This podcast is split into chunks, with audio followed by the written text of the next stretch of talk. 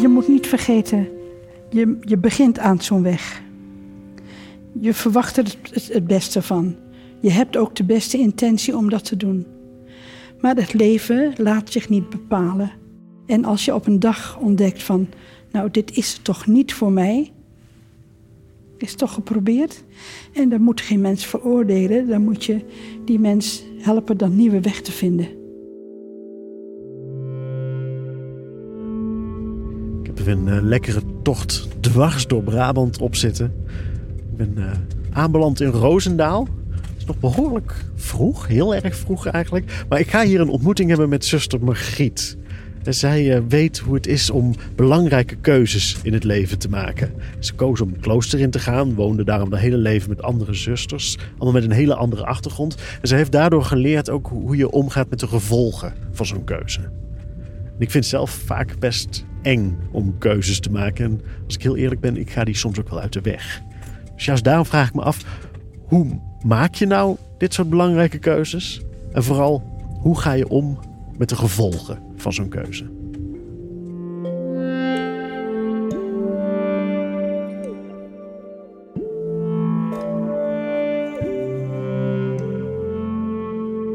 Je luistert naar Kloosterleven. Mijn naam is Oscar Kokke en in deze podcast ga ik in gesprek met Brabantse kloosterlingen. Zij leiden een bijzonder leven waar ik eigenlijk amper iets van weet. En daarom ga ik op zoek. Wat bracht ze tot hun keuze voor het klooster? Welke lessen leerden ze daar over zichzelf en over het leven? En kan ik daar misschien iets mee? In mijn dagelijks leven.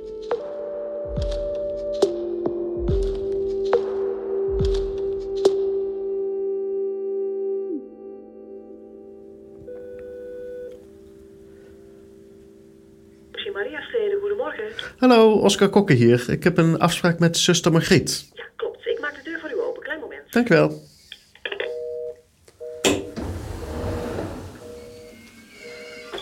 Goedemorgen. Zuster Margriet, is zij in de buurt? Dat klopt, ik loop even met u mee. Ik ben hier nou in een atrium aangekomen. Allemaal tafeltjes die gedekt zijn. Ik zie flesjes magie. Op u in de bestuurskamer. En daar hebben we zuster Margriet. Goedemorgen, Oscar. Hallo. Nou, van harte welkom hier in, eh, in ons huis, Maria Steden. Maria Steden. En, en ik ga toch meteen vragen. Ik verwachtte een klooster, maar dit is niet, niet zoals ik een klooster voor me zie. Eh, nee, dat, dat, dat klopt. Ik kan me dat voorstellen. Zeker als je buiten staat, dat je denkt: ja, waar ben ik hier? Zo in, midden in een woonwijk. De naam ook. Precies. Wij hadden zo graag ons eh, Maria Dal mee willen nemen, de naam, maar dat mocht niet. Oh, We hebben namelijk tien jaar geleden ons moederhuis Mariadal verkocht aan de provincie Noord-Brabant. dat mooie statige Dat pand. mooie statige pand was veel te groot en veel te bewerkelijk met een hele grote tuin voor nog elf zusters die daarin woonden. Dat vonden we niet meer, eh, ja, niet meer te doen.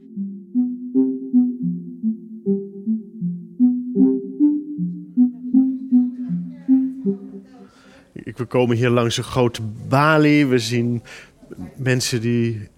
Ja, we, we zien, we zien een, een klein winkeltje. Een, een winkeltje, hier. de kapsalon, kapsalon die mo- momenteel is gesloten is. En mensen komen in rolstoelen voorbij. Ja, die, die gaan naar de dagopvang, denk ik. Hè? Dag Elma. Wij lopen straks nog even die kant uit. Ja, heel goed.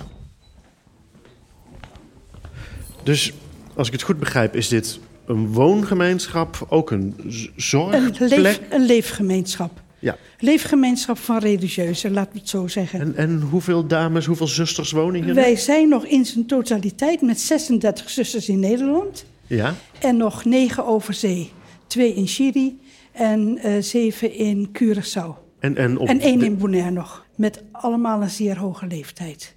Precies, wat is de gemiddelde U leeftijd? kijkt naar mij. Nou, u bent een jonkie. Ik ben, was maar waar, ik ben de jongste. Gemiddelde leeftijd is 86 jaar.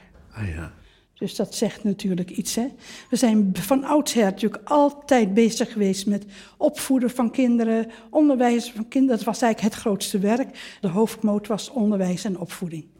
En eh, daar heeft u zichzelf ook mee bezig gehouden? Jazeker, jazeker. Ik, eh, ik heb dus eh, met eh, moeilijk lerende kinderen gewerkt. Ah, hè, in het speciaal onderwijs. Dat is, dat is nu weer allemaal veranderd, maar ik heb daar dus eh, ja, een jaar of elf mogen werken. Oh, eventjes hier toch ook in. Want hier zijn we net bij Franciscus. Hè? We zijn weer in een klein kapelletje beland. Een veel nieuwer kapelletje zo te zien. Ja, is 20 jaar oud ongeveer. In, in deze kapel kunnen we eventjes gaan zitten. Kunt u mij vertellen, wat was het nou voor u wat u zo aansprak? Waarom u dacht, ik, ik wil daarbij? Ik was 19 toen ik ingetreden ben, hier in deze congregatie. Maar ik had dus kennis gemaakt op de lagere school met de zusters van Bennebroek. En naderhand heb ik, zijn we naar Oegstgeest verhuisd.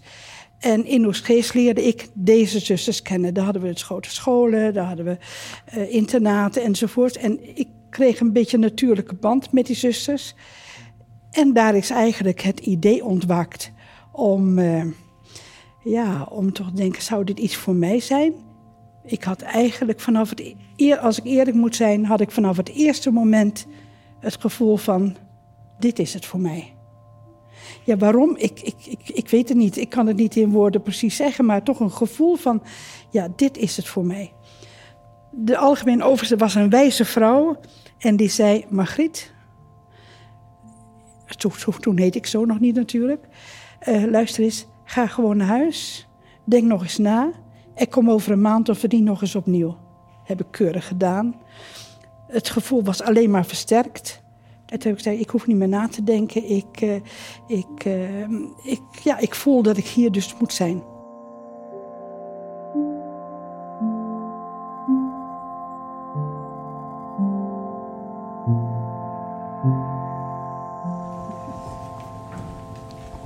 Gaan we hier Gaan we de trap naar op?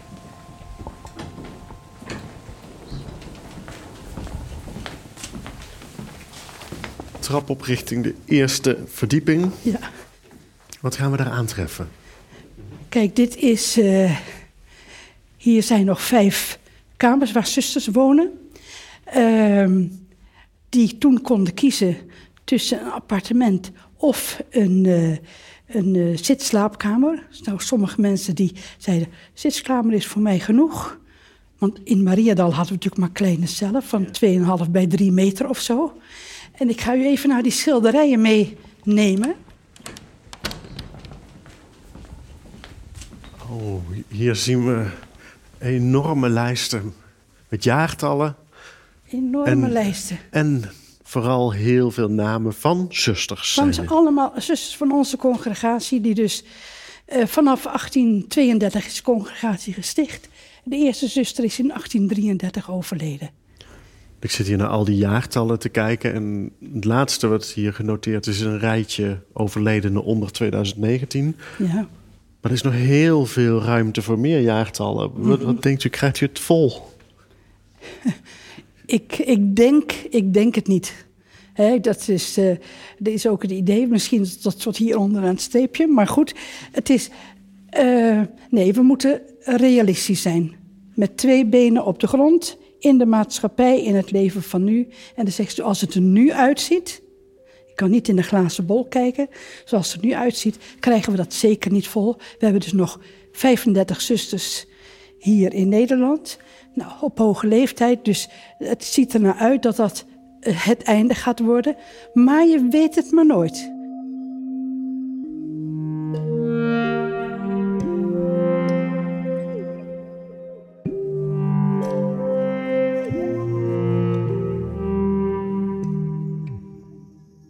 Als je dan die ideeën hebt en je komt dan samen in een gemeenschap te wonen met een hoop andere vrouwen. Dat zijn allemaal mensen die je niet zelf hebt gekozen. Gaat dat altijd goed? Eh, het is in ieder geval de, de, de streven om dat te doen, hè? Ja, Want- ik, ik hoor het al. Dit gaat mis. dat. Dit gaat Ga- vaak ja, mis. gaat, gaat vaak mis. Kijk, het is natuurlijk... Het moet gewoon nuchter bekijken. Wij zijn geen familie van elkaar. We zijn geen vriendinnen van elkaar. Hebben allemaal verschillende milieuachtergrond. Allemaal verschillende capaciteiten. Dus, maar wat is dus de enige drijfveer, het enige houvast, is het geloof dat je geroepen bent om dit leven te leiden. Dat is, Dat, dat is wat elkaar bindt. dat is de basis. Maar dan nog, dan kan je inderdaad de een van die dames Ja, hebben. nee, dat is ook zeker. hè. 30 vrouwen bij elkaar. Zo verschillend. Het is een dagelijkse klus om goed met elkaar te leven en voor elkaar te zorgen. Kunnen wij in de buitenwereld, buiten de muren van zo'n gemeenschap, iets leren van, in, in uw geval, het zusterschap? Ik denk dat er heel veel te leren is. Als ik in bescheidenheid mag zeggen. Want ik heb soms een beetje te doen met onze jonge mensen. Ik moet eerlijk zeggen. Die zo in beslag genomen worden. De prestatiedrang die er moet zijn. Het idee van, eh, je wordt er op een rijtje gezet van, jij bent niet goed genoeg, jij moet eruit. Ik vind het afschuwelijk. Ik vind het afschuwelijk dat, dat zoiets in onze maatschappij is binnengedrongen. Want je bent allemaal van waarde als mens. De een heeft meer hersens gekregen dan de ander. Maar je bent als mens ben je even waardig.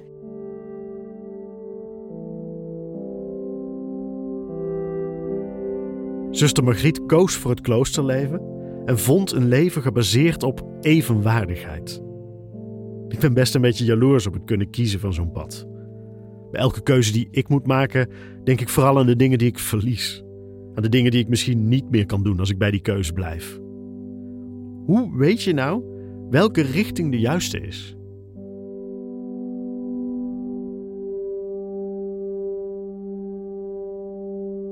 Ik wil heel vaak eigenlijk meerdere dingen tegelijkertijd. Ik, vind, ik wil dit heel graag en dat. Hoe, hoe maak je nou die keuze? Wat, hoe bepaal je wat leidend is? Ja, eh, kijk, dat ligt in mijn leven natuurlijk een beetje anders. Omdat ten tijde toen ik ingetreden ben eh, en vorming zo gehad had, dan werd door het bestuur voor je uitgemaakt welke werkzaamheden je ging doen, waar je naartoe ging, welk, welk klooster je ging Ja. en wat je ging doen. Maar toch nog de stap zelfs daarvoor. Toen, Ja. toen u de overweging moest maken... eh, ik ben nu 19, ik kan ervoor kiezen om te blijven werken. Ik kan misschien wel een liefde gaan vinden, een gezin stichten.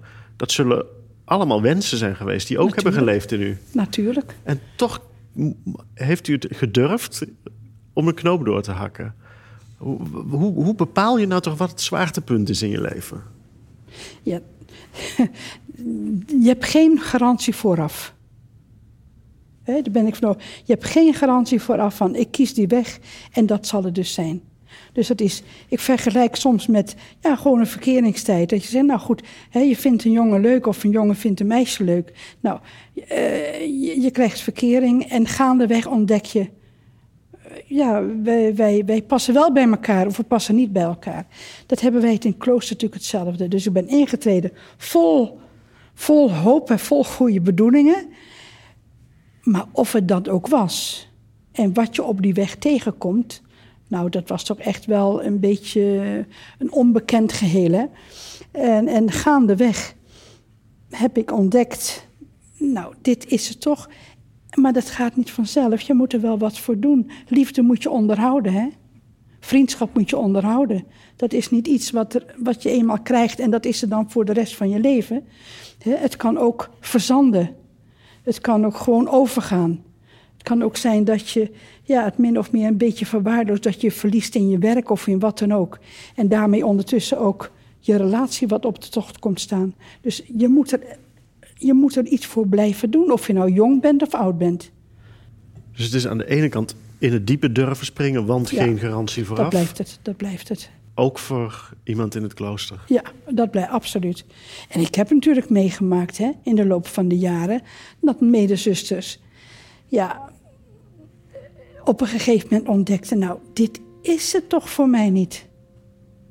Met alle pijn en verdriet die daarmee gepaard kunnen gaan. Hè? Niet alleen bij de persoon zelf, maar ook bij de omstanders. Want als het zussen zijn waarmee je geleefd hebt. en die zeggen op een goede dag: eh, Nou ja, ik, eh, ik hou toch voor gezien. Ik, ik, ik, ik kan het toch niet. Ja, dat moet je loslaten.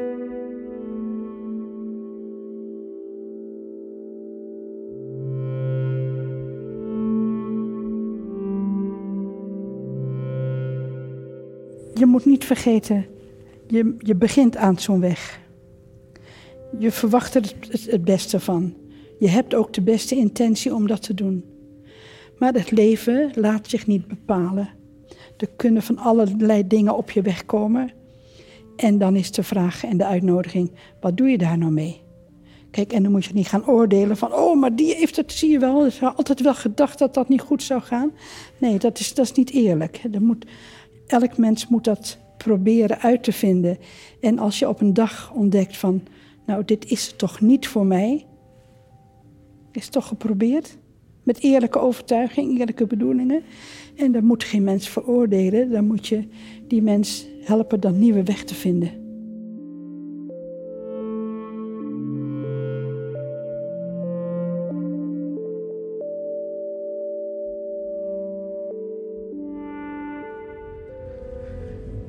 Ik zit weer in de auto. Terug naar huis. Weg uit Roosendaal.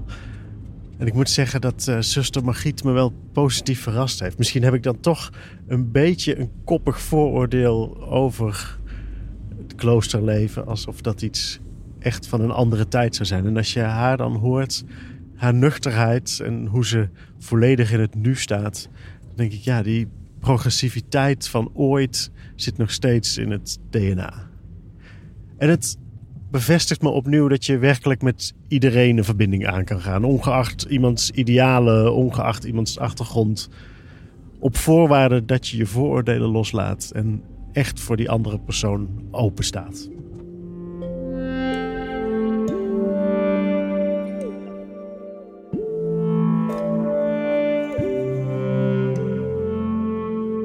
Deze podcast werd gemaakt in het kader van het jaar van het Brabants kloosterleven.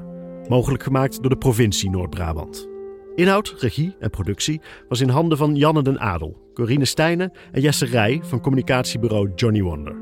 De muziek, het geluid en de montage werd gedaan door Rinky Bartels en de presentatie door mij, Oscar Kokker. Wil je meer wijsheden uit het klooster horen? Luister dan alle afleveringen via je favoriete podcast-app of via Brabantskloosterleven.nl. Benieuwd naar de volgende aflevering? Luister dan alvast even naar Pelgrim Adrie. Ik ben een echte mens van onderweg. Ik ben nooit anders geweest, zeg ik achteraf.